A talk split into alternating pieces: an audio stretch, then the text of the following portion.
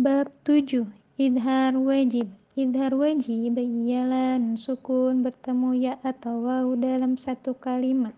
Di Al-Quran ada empat. Contohnya ad-dunya, bunyanun, sinwanun, qinwanun.